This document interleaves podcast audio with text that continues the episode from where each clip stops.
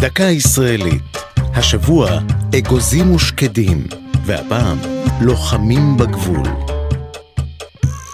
כוחות צה"ל האחרונים אומנם נסוגו מרצועת הביטחון בלבנון לפני יותר משני עשורים, אולם זכר לשהות הארוכה מעבר לגבול קיים עדיין בדמות יחידת אגוז, יחידה למבצעים מיוחדים בחטיבת גולני.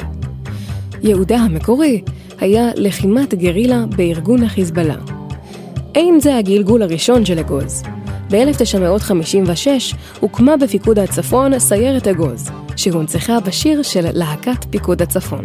בסיירת אגוז יש קליפה קצת עבה, אך לב של זהב היחידה הגנה אז על גבול הצפון מפני חדירות מחבלים, ובמהלך מלחמת יום הכיפורים אף השתתפה בכיבוש החרמון מחדש. בתום המלחמה פורקה.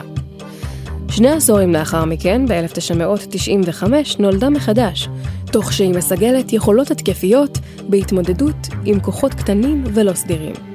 לצורך כך מתמחה אגוז בלחימה בשטחים סגורים ובסבך. היחידה פועלת עד היום בגבול הצפון ובגזרות נוספות.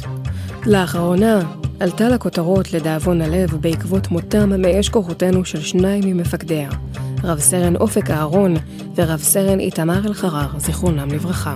זו הייתה דקה ישראלית על אגוזים, שקדים ולוחמים בגבול.